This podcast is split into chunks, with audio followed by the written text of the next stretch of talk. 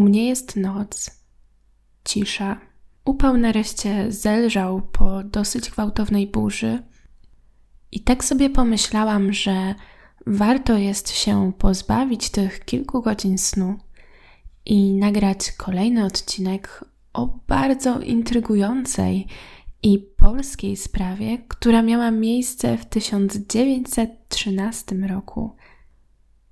Wczytując się w kolejne aspekty tej sprawy, nie mogłam uwierzyć, że nie trafiłam na żadną wzmiankę o tych wydarzeniach wcześniej. Myślę, że Wam również spodoba się zawiłość, a także niejasność tego przypadku. No i w końcu myślę, że historii, w których e, bohaterami są książęta czy też baronowie, jest dosyć niewiele. Jeśli spodoba Wam się dzisiejszy odcinek i będziecie chcieli być na bieżąco z następnymi produkcjami mojego wykonania, zachęcam do kliknięcia subskrybuj, ponieważ jest to najlepsza forma wsparcia i pozwala prężnie rozwijać się temu kanałowi, a także docierać do szerszej widowni, być może zainteresowanej tą tematyką. A, no i będziecie mieli moją dozgonną wdzięczność. No dobrze, ale już nie przedłużając, zaczynajmy. Kim właściwie był Władysław Drucki-Lubecki? Często jest definiowany jako ziemianin kresowy i działacz społeczny. Oprócz tego był właścicielem wielu dóbr ziemskich, a także prezydentem Grodna w 1907 roku. Był wnukiem ministra skarbu Królestwa Polskiego Franciszka Ksawerego Druckiego-Lubeckiego – Poprzez małżeństwo z Marią Joanną z Zamojskich posiadał koneksję z najznamienitszymi rodami całej Europy. Oprócz tego był założycielem, a także pierwszym prezesem Towarzystwa Automobilistów Królestwa Polskiego. Informacja ta wydała mi się ciekawa, dlatego że inny odcinek na tym kanale o gangu Bono opowiada o gangu, który jako pierwszy wykorzystał ten środek transportu do dokonywania napadów. Ale wracając do naszej opowieści. Mimo, że Władysław odziedziczył liczne majątki na Grodzieńszczyźnie i Polesiu, w 1909 roku zakupił od Mieczysława Epsteina pałac w Teresinie. I to właśnie ta posiadłość była jego ulubioną spośród wielu, które posiadał, i tam najczęściej spędzał swój wolny czas. Dlatego nikogo nie zdziwiło, że gdy w sobotę 19 kwietnia 1913 roku książę wrócił z Petersburga, gdzie załatwiał sprawy majątkowe do swojego mieszkania w Warszawie, nie zdecydował się tam pozostać dłużej niż jedną noc. I rzeczywiście już na drugi dzień książę Władysław wyjechał ze swoim bardzo dobrym znajomym, Janem Baronem Bispingiem, do Teresina. Niezwykłym zbiegiem okoliczności, pociągiem, którym jechała dwójka przyjaciół, jechał też sędzia Czerwiakowski, który potem prowadził dochodzenie w całej sprawie, o której jest dzisiejszy odcinek. W poniedziałek rano, bardzo gościnny jak zawsze Władysław, zatrzymywał barona Bispinga, który jednak twierdził, że koniecznie musi wrócić do Warszawy, ponieważ naglą go pewne interesy, które niestety musi załatwić.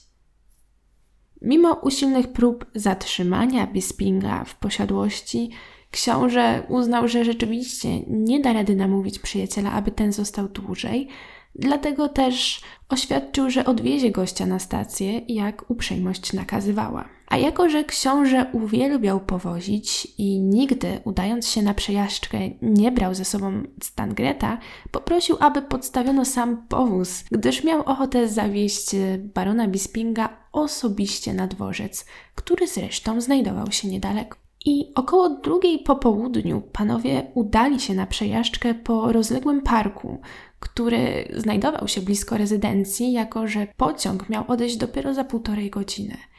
I był to ostatni raz, kiedy książę był widziany żywy. Przynajmniej przez większą liczbę osób, ale o tym za chwilę. Wkrótce wybiła godzina piąta, a książę wciąż nie wrócił do pałacu, więc jego nieobecność zaczęła trochę niepokoić służbę. Niektórzy myśleli, że być może książę postanowił spontanicznie udać się do Warszawy wraz z przyjacielem, ale w takim wypadku gdzie znajdował się powóz z końmi? Inną opcją było to, że książę być może udał się na dłuższą przejażdżkę. Podobno miał to w zwyczaju. Niestety o zmroku fakt, że z księciem stało się coś złego, został przypieczętowany. Otóż bażanciarz, i tak dobrze słyszeliście, ponieważ książę był założycielem jednej z pierwszych bażanciarni w Polsce, a więc ten bażanciarz podczas obchodu parku odnalazł powóz oraz konie przywiązane do drzewa na wąskiej drodze, która przelegała z jednej strony do parku, a z drugiej do pola. W powoziku leżało futro księcia, jednak samego Władysława nie było ani śladu. I w tym momencie już cała służba pod wodzą miejscowego zarządcy z latarniami i pochodniami, ponieważ już było ciemno, pospieszyła na poszukiwania księcia i zaczęła przeszukiwać park krok po kroku. W ten sposób około godziny dziewiątej wieczorem, w odległości zaledwie kilkudziesięciu kroków od miejsca, w którym były przywiązane konie, odnaleziono księcia, który leżał w takiej pozycji, jak gdyby całkiem spokojnie spał. Jednak tak nie było. Teraz odczytam Wam fragment raportu policyjnego. Gdy przybyliśmy na miejsce, książę leżał jeszcze tak, jak go znaleziono.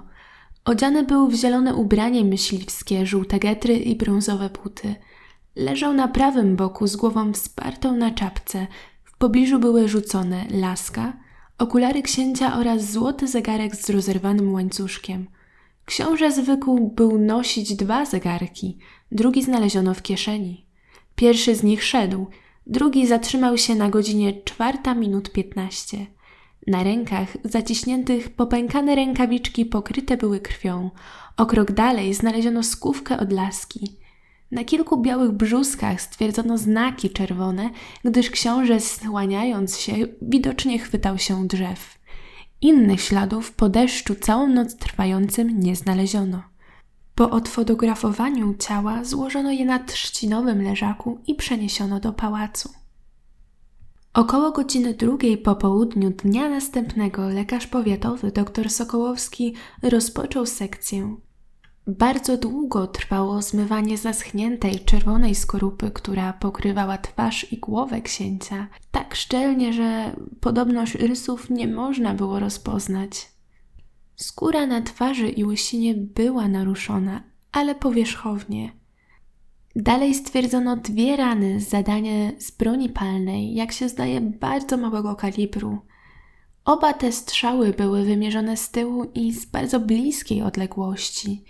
Jeden padł z prawej strony kręgosłupa księcia, drugi zaś za uchem.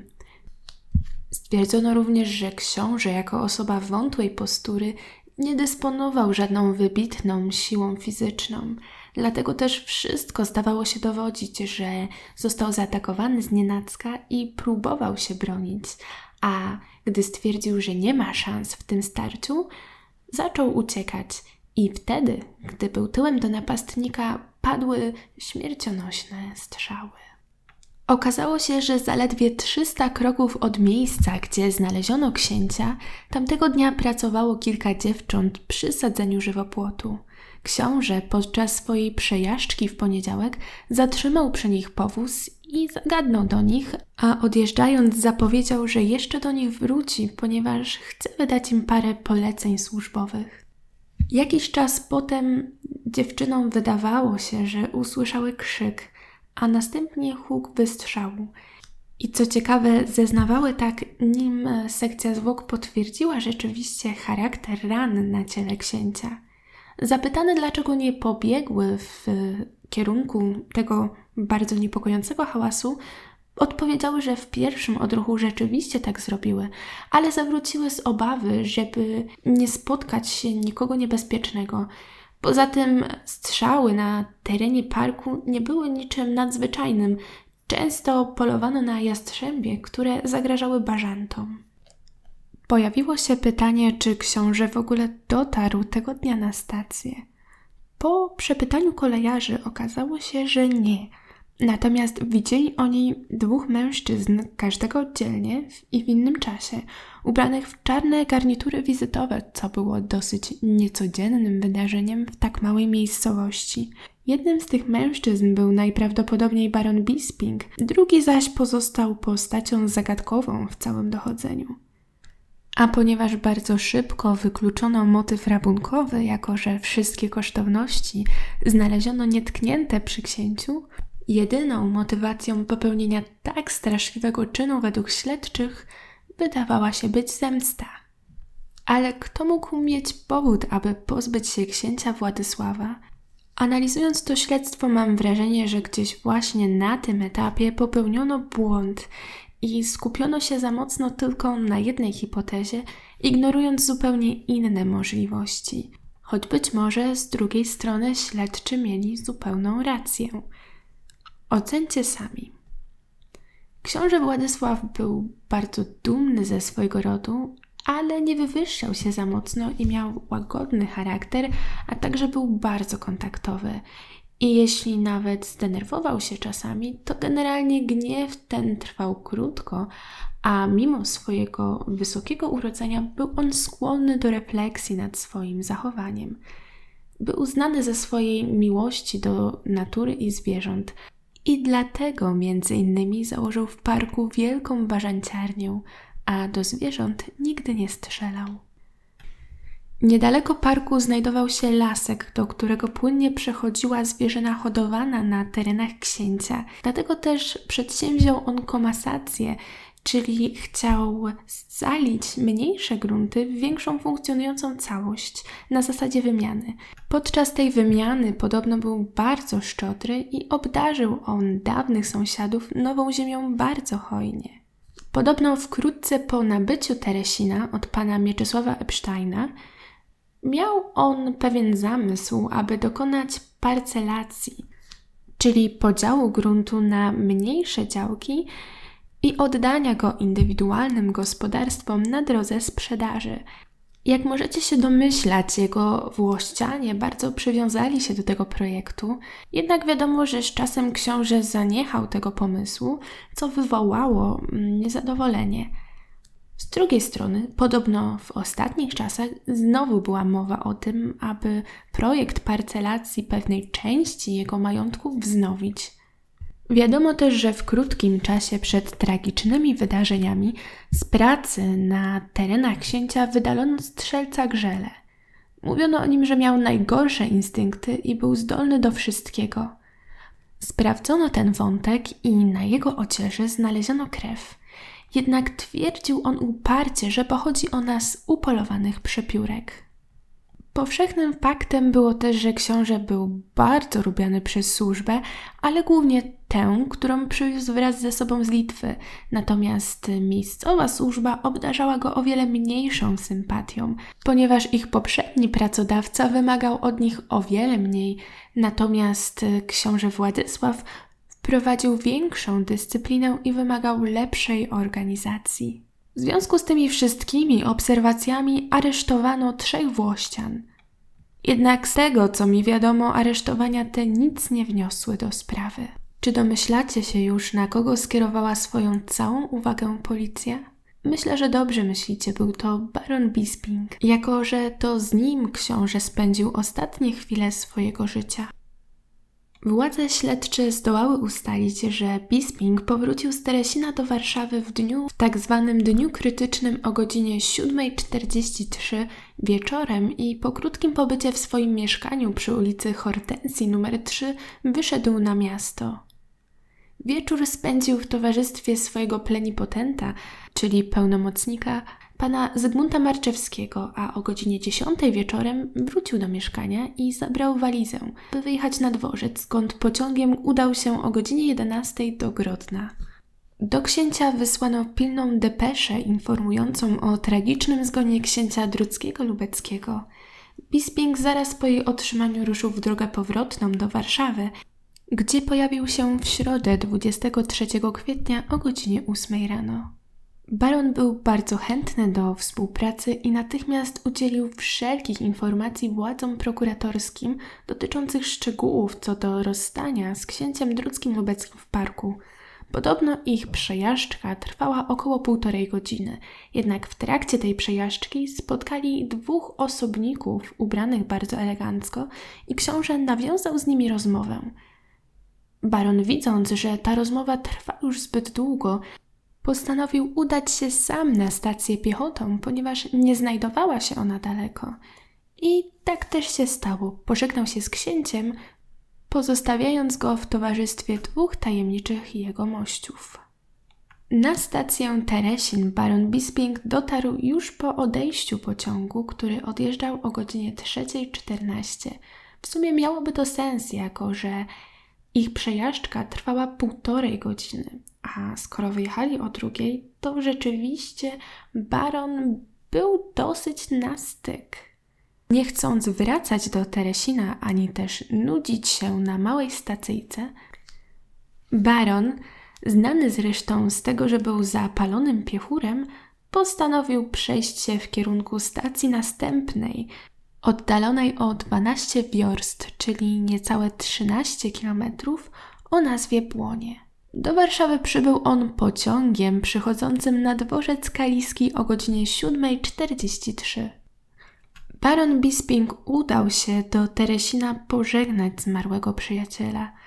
Podczas tej wizyty wskazał śledczym oraz prokuratorowi, w którym miejscu spotkali tajemniczych mężczyzn, jednak e, niewiele to wniosło do sprawy.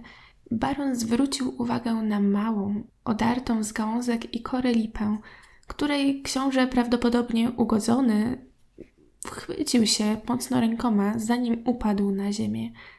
Jednak poza tym nie ustalono nic nowego. Sprawa utknęła w martwym punkcie i na tym etapie wciąż utrzymywały się dwie wersje.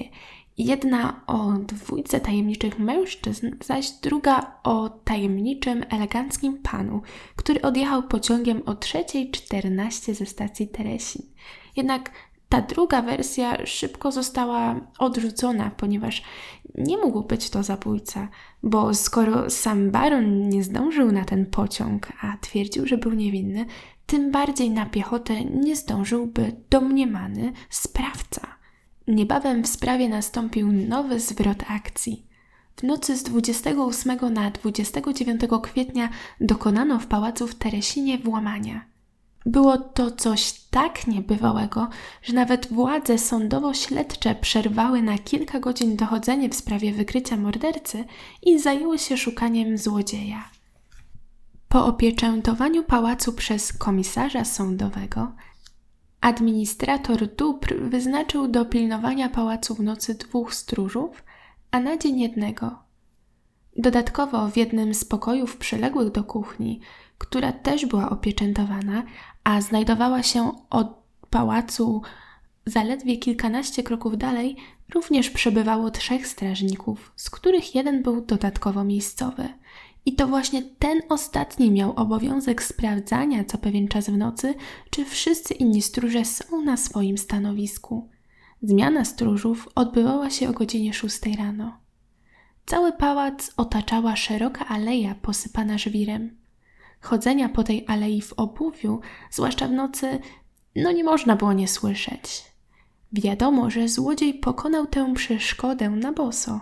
Świadczyły o tym ślady bosej stopy na parapecie wąskiego dwuszybowego okienka, przez które najprawdopodobniej wszedł do pokoju, który był przeznaczony na garderobę dla gości. Okienko to było podwójne, a od wewnątrz pokoju nie było zamknięte – co bardzo ułatwiło mu zadanie, ponieważ generalnie wybił on tylko jedną szybę zewnętrzną na dole. Złodziej musiał dokładnie znać rozkład mieszkania i wiedzieć, gdzie znajdował się gabinet księcia, ponieważ drogę do niego obrał perfekcyjnie. Wejście boczne z pokoju toaletowego do gabinetu nie przedstawiało wielkich trudności, a złodziej zaopatrzony był w łom żelazny długości około 20 cali, nadający się idealnie do podważania drzwi. Drzwi z pokoju toaletowego do gabinetu były od środka obite materią. Złodziej, pchnąwszy je, rozdarł to sukno i przedostał się przez wąski otwór. W gabinecie księcia znajdowało się biurko dębowe i trzy szafki. Były tam różne skrytki i szufladki, a książę przechowywał tam dokumenty, kosztowności, pieniądze, a także broń myśliwską.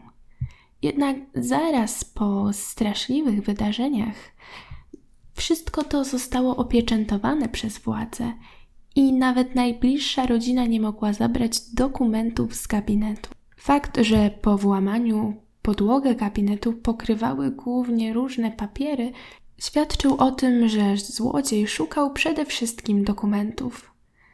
Robił to przy świetle lampy i latarki elektrycznej, ponieważ na obu tych przedmiotach były ślady użytkowania ich w niedalekiej przeszłości. Porozdzierane koperty świadczyły, że intruz bardzo dokładnie przeglądał wszystko, co znalazł. Nie wiadomo jednak, czy zabrał to, co chciał, ponieważ nikt nie wiedział dokładnie, jakie dokumenty były w posiadaniu księcia. Wiadomo natomiast, że pootwierał on właściwie wszystkie szkatułki, skrytki, szafki i niczego nie pozostawił bez inspekcji. Tak mrówcza praca musiała mu zająć co najmniej godzinę. I tutaj pojawiają się dwa pytania. Co wtedy robili nocni stróże? Dlaczego nie zauważyli, że w gabinecie pali się światło? I dlaczego właściwie złodziej używał latarki i lampy, skoro noc była nadzwyczaj widna? Wytłumaczeniem może być fakt, że złodziej najprawdopodobniej opuścił drewniane żaluzje i pozamykał okiennice. Stróże z kolei twierdzą, że po kilkanaście minut odpoczywali sobie na frontowych schodach pałacu, a potem zdrzemnęli się na chwilę po godzinie drugiej. Jednak ta drzemka musiała być dosyć dobrą drzemką, skoro nie usłyszeli brzęku rozbitej szyby. Główny strażnik, który miał kontrolować stróżów, nie pojawił się już po godzinie drugiej. Nie można określić, jakie dokumenty padły łupem złodzieja, natomiast jeśli chodzi o rzeczy materialne, to zginęła głównie kolekcjonerska broń oraz 60 sznurków korali przeznaczonych na prezenty dla dziewcząt folwarcznych. Jeśli chodzi o pieniądze, to nie wiadomo właściwie ile zniknęło, ponieważ nie zliczono ich przed opieczętowaniem gabinetu, ale szacowano, że mogło być to około 300 rubli. Jeśli chodzi o kosztowności, takie jak futra, ubrania czy srebra, znajdujące się w pokoju przylegającym do gabinetu, to pozostały one w stanie nienaruszonym. Złodziej, obładowany dosyć ciężkim łupem, nie pozostawiwszy też e, pokaźnego łomu, wyszedł przez drzwi na balkon, a następnie zsunął się po około półtora metrowym filarze w dół. Jego ślady urywały się na alei znajdującej się za pałacem. O godzinie szóstej rano zauważono wybite okno i natychmiast podjęto działanie. Sprowadzono o godzinie w pół do drugiej po południu mucha, specjalnie tresowana suczka policyjna, nie ułatwiła jednak odnalezienia jakichkolwiek śladów złodzieja. Zresztą psina nie okazywała żadnej większej chęci współpracy. Pomiędzy godziną trzecią a czwartą po południu zarządzono pokaźną obławę, w której wzięło udział około stu mężczyzn i kobiet ze służby folwarcznej i okolicznych domów. Przeszukano dokładnie las, wszystkie zagajniki, park i pola, a w końcu odnaleziono łom żelazny. Poza tym jednak poszukiwań tych nie uwieńczył żaden inny wynik ani żadna inna poszlaka. Sprawca tej tajemniczej kradzieży pozostał niewykryty. I jako, że śledztwo to stało w sumie w miejscu, a coś robić trzeba było, pod zarzutem popełnienia przestępstwa aresztowano ordynata Bispinga. W wyniku starań jego żony do jego celi wstawiono bardzo wygodne polowe łóżko, a prasa zastanawiała się, czy to rzeczywistość, czy szatański zbieg okoliczności. W ówczesnym świecie była to nie lada sensacja. Z powodu małżeństwa ze swoją żoną, baron był skuzynowany z wieloma dworami europejskimi, między innymi, a sam papież mianował go swoim szambelanem. Z początku podawano, że władze wykluczają motywy materialne czy też premedytację.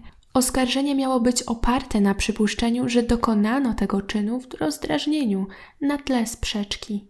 Dochodzenie śledcze trwało niemal rok i przesłuchano ponad 700 świadków.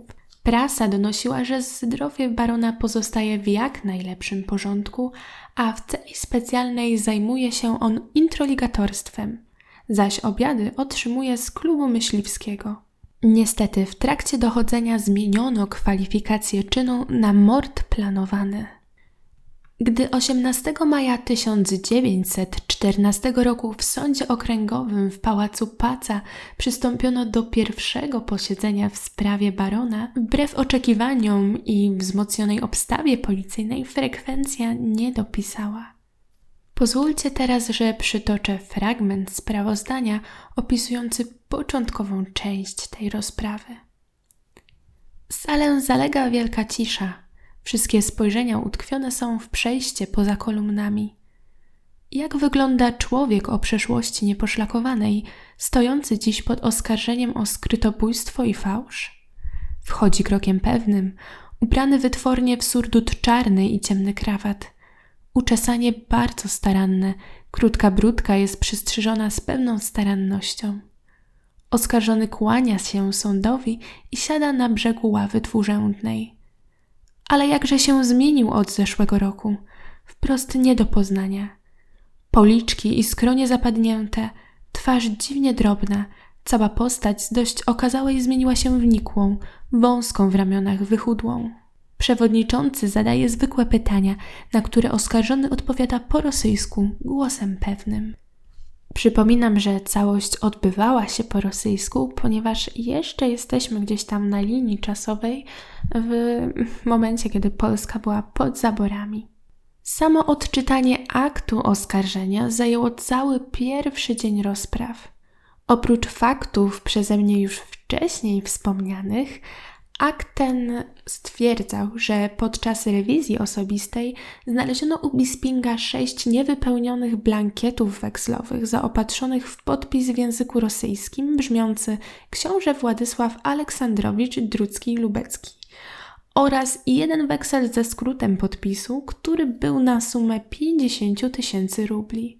Oczywiście akt oskarżenia nie dawał wiary wyjaśnieniom oskarżonego, który twierdził, że pozostawał z księciem w dobrych stosunkach finansowych i pożyczał mu on w różnych okresach czasu większe sumy pieniężne, na których pokrycie wystawiane były właśnie te weksle. Baronowi zarzucono sfałszowanie podpisów księcia na wekslach w celu osiągnięcia korzyści majątkowych. Ten akt oskarżenia ustalał też inną, bardzo intrygującą kwestię. Podobno dwukrotnie wykryto truciznę w herbacie księcia, który wówczas pił ją w towarzystwie Bispinga w swoim mieszkaniu warszawskim. Miało się to stać na kilka miesięcy przed tragicznymi kwietniowymi wydarzeniami. Podobno pewnego dnia z samego rana Bisping przyszedł na śniadanie zaproszony przez księcia, o czym Lokaj Żukiewicz wiedział już w przeddzień. Lokaj zaniósł do jadalni dwie filiżanki, które sam w kuchni napełnił herbatą i zawiadomił o tym księcia, a potem udał się, aby posprzątać sypialnię. Wkrótce jednak książę zawołał Lokaja i zapytał go, dlaczego herbata ma w sobie jakąś niezwykłą gorycz. Służący, który spróbował herbaty z filiżanki księcia, musiał mu przyznać rację. Bisping również spróbował trochę herbaty przyjaciela, ale wypluł ciecz natychmiast. Książę i Lokaj spróbowali również herbaty z filiżanki barona, jednak ta, wbrew zapewnieniom gościa, że jest inaczej, miała zwykły, pozbawiony goryczy smak. Wszyscy udali się do kuchni, aby obejrzeć czajnik, z którego była nalewana herbata, Książę i baron zanieśli herbatę zlaną do butelki do laboratorium doktora Serkowskiego. Tego samego dnia książę wyjechał do Teresina, a sam Bisping wieczorem wypytywał przez telefon Lokaja, czy samopoczucie księcia się pogorszyło i sam skarżył się na ból głowy. Po kilku dniach Lokaj dowiedział się, że analiza wykazała truciznę, ale ta znajdowała się tylko w herbacie księcia. Zanim jednak to nastąpiło, zdarzył się przypadek zupełnie identyczny. Książę znów zawołał Lokaja y, podczas y, wizyty barona i spytał, dlaczego jego herbata jest niezwykle gorzka. Lokaj zarzekał się, że jego herbata to jest ta, która została osłodzona.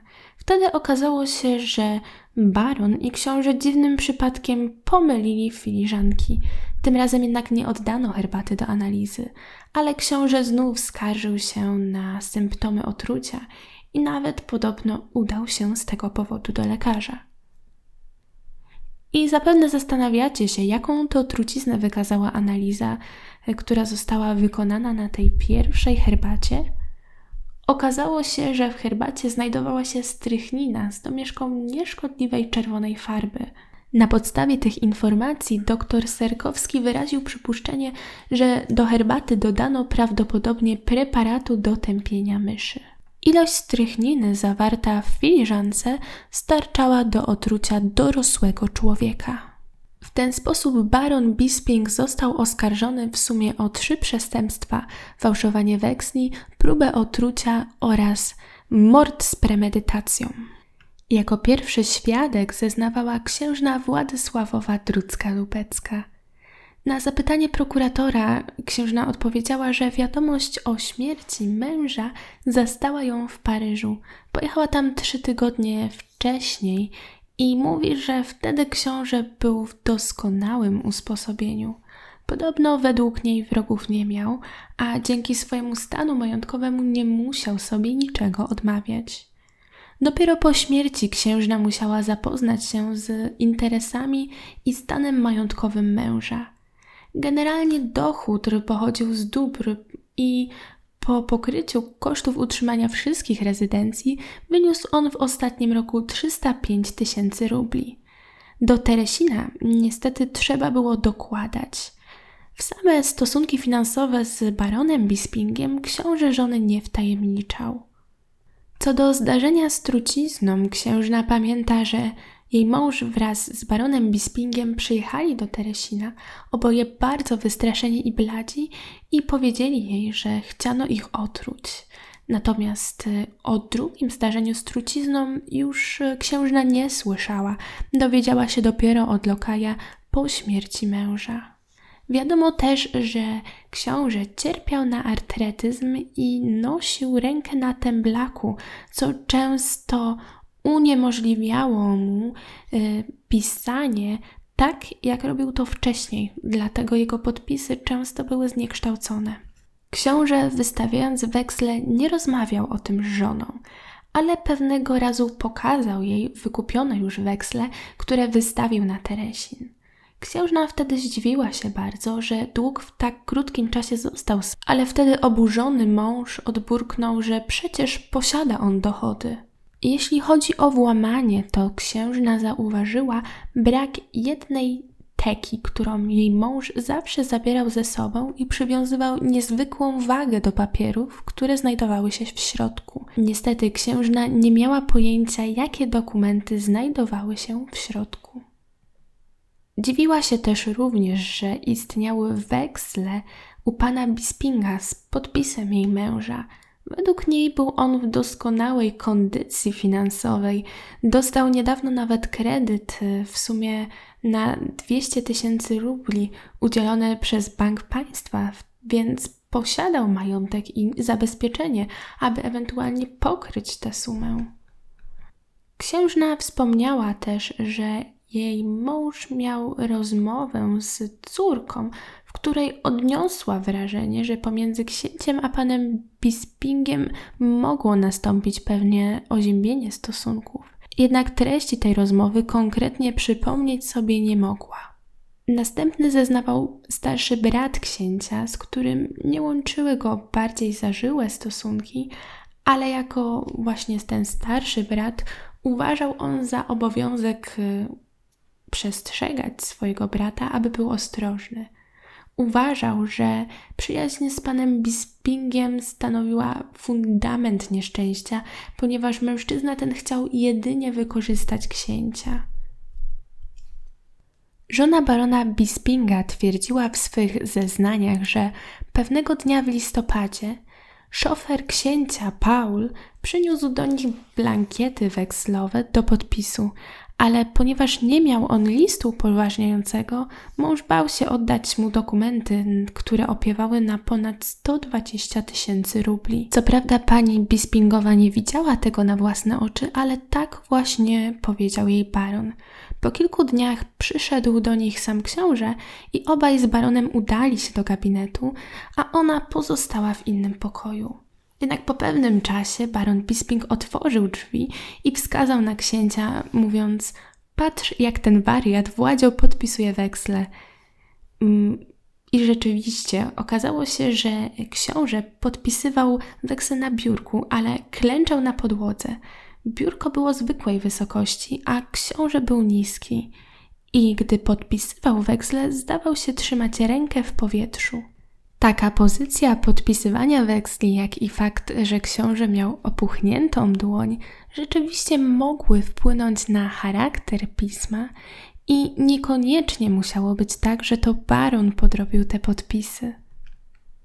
Żona barona Bispinga, którą zresztą była zaledwie od roku, potwierdziła zamiłowanie męża do bycia piechurem, jak i też dosyć niekorzystny fakt, że rzeczywiście baron Bisping grał na giełdzie, podobno kupował i sprzedawał różne papiery, jednak ona nigdy nie zagłębiała się w charakter tych interesów. Co ciekawe, stan majątkowy barona Bispinga w chwili aresztowania był nadzwyczaj dobry. Baron posiadał ponad 600 tysięcy rubli, a z siedmiu weksli znalezionych przy nim rodzina księcia kwestionowała cztery i wykreśliwszy te cztery, majątek barona opiewał nadal na ponad 400 tysięcy rubli. Niezwykły szczegół podczas zeznań w sądzie wniósł Piotr Cybulski-Gajowy. Powiedział, że dostrzegł on w lesie księcia i barona Bispinga. Ten drugi mm, tamtego dnia stał obok krzaków, z dala od księcia, który oglądał drzewa. Baron Bisping, który nie widział nadchodzącego Cybulskiego, trzymał w ręce rewolwer. Jednak zauważywszy Gajowego, Bisping schował rewolwer z powrotem. Obrońca pytał świadka, dlaczego ten trzykrotnie przesłuchiwany przez policję nie wspomniał o tak ważnym szczególe. Cybulski twierdził, że z początku nie wiedział, do kogo mówi i co z tego będzie, a bał się, że wszystko opiszą gazety i być może jeszcze on padnie ofiarą następnego przestępstwa. Jednak idąc do sądu zeznawać pod przysięgą, rzekł do siebie, że musi teraz powiedzieć wszystko. Sporo uwagi też poświęcono świadkom, którzy mogli pomóc ustalić, kiedy właściwie rozległy się strzały w parku. I tutaj podobno najbardziej pomogło oświadczenie tragarza Więckowskiego. W dniu morderstwa, gdy wyszedł przed stację, rozmawiał ze Stangretem i usłyszał dwa strzały, a zaraz potem spojrzał na zegarek. Widniała wtedy na nim godzina druga trzydzieści pięć. Co ciekawe, właściwie to spojrzał na niego, żeby ustalić, ile czasu pozostało do odejścia pociągu i czy zdąży jeszcze zajść do domu. Pamiętacie jeszcze wątek strzelca Greli, który został zwolniony przez księcia? Okazuje się, że po otruciu herbatą książę polecił swojemu szoferowi Paulowi ustalić, czy Grela nie znajdował się w jego mieszkaniu dzień przed zdarzeniem z herbatą. I wyobraźcie sobie, że dokładnie tak było. Jednak nie udało się go bezpośrednio połączyć z próbą otrucia księcia. W trakcie trwania procesu księżna otrzymała z Petersburga list, w którym niejaki Roman Strzelbicki przyznał się do, do popełnienia zbrodni. Księżna przesłała list prokuratorowi. Prokurator otrzymał także list z Petersburga od niejakiej Cecylii Sucheckiej, która podawała się za siostrę rzekomego Strzelbickiego. Strzelbicki zaś w swoim liście twierdził, że gdy list dojdzie do Warszawy, on już będzie daleko za morzem. Córka księcia w swych zeznaniach potwierdziła, że rzeczywiście stosunki księcia z baronem Bispingiem w ostatnich czasach oziębiły się. Ojciec podobno powiedział jej e, po francusku, czego oczywiście nie powiem, bo francuskiego nie umiem, ale co w dosłownym tłumaczeniu oznaczało najgorsze, że miałaś dobrego nosa. Dodał też po polsku: Daj spokój z tym Bispingiem, ostrzegałaś mnie przed nim. Jeśli chodzi o dwóch elegancko ubranych mężczyzn, Niestety zeznania były dosyć niespójne. Wiele osób widziało lub twierdziło, że widziało tamtego dnia co najmniej jednego elegancko ubranego mężczyznę. Jednak ich zeznania były tak sprzeczne, że nie można im było dać żadnej wiary. Specjaliści z zakresu broni uznali, że kule znajdujące się w ciele księcia były wystrzelone z takiego samego rewolweru, jaki posiadał Bisping. Jednak czy był to konkretnie ten rewolwer, tego nie można było ustalić. Zgadzał się jedynie model, a takich sprzedano już do tej pory około 100 tysięcy. Poszczególni biegli jednak nie zgadzali się ze sobą w tej sprawie, ale nie tylko w tej. Analiza grafologiczna nie potrafiła jednoznacznie stwierdzić, czy weksle rzeczywiście podpisał książę, czy zostały sfałszowane. Tak samo nie można było jednoznacznie stwierdzić, czy włosy wydarte i znalezione na rękawiczce księcia należały do barona Bispinga, choć zgadzał się ich kolor. Po płomiennych mowach obrońców i oskarżyciela nareszcie zapadł wyrok. 13 czerwca 1914 roku baron Bisping został skazany na utratę praw i przywilejów, praw do majątku szlacheckiego oraz 4 lata rot aresztanckich. Sześć blankietów wekslowych uznanych za fałszywe sąd nakazał zniszczyć, a kosztami sądowymi obciążyć oskarżonego. Z racji, że 14-miesięczny pobyt w więzieniu bardzo już nadwątlił zdrowie barona Bispinga, jego obrońca zawnioskował, aby zwolnić go za kaucją. Jednak sąd nie zgodził się. Po zaskarżeniu tej decyzji przez obrońcę barona w związku z wielkim szumem medialnym, sąd po tygodniu zmienił swoje stanowisko i baron został zwolniony za kaucją. Moi kochani, jak sami zdołaliście się zorientować, sprawa ta jest niezwykle zawiła. Jesteśmy po pierwszym procesie. Baron został skazany, jednak przysługuje mu apelacja. Jeśli dobrze pamiętacie, to w roku 1914 miało miejsce dosyć ważne wydarzenie, które wpłynęło na życie nie tylko barona, ale i wielu milionów osób. Wybucha pierwsza wojna światowa, a zatem, jeśli jesteście ciekawi, jak zakończyła się ta cała sprawa, czy udało się podważyć dowody przedstawiane przeciwko baronowi Bispingowi oraz jakie znaczenie we wznowieniu postępowania miał pewien seans spirytystyczny, zapraszam Was na część drugą, która myślę, że pojawi się całkiem niebawem. Trzymajcie się ciepło, trzymajcie się bezpiecznie Mam nadzieję, że takie retro sprawy z naszych ziem podobają Wam się i dajcie znać w komentarzach, nad jaką sprawą pochylić się w następnym odcinku. Dobranoc albo miłego dnia. Cześć!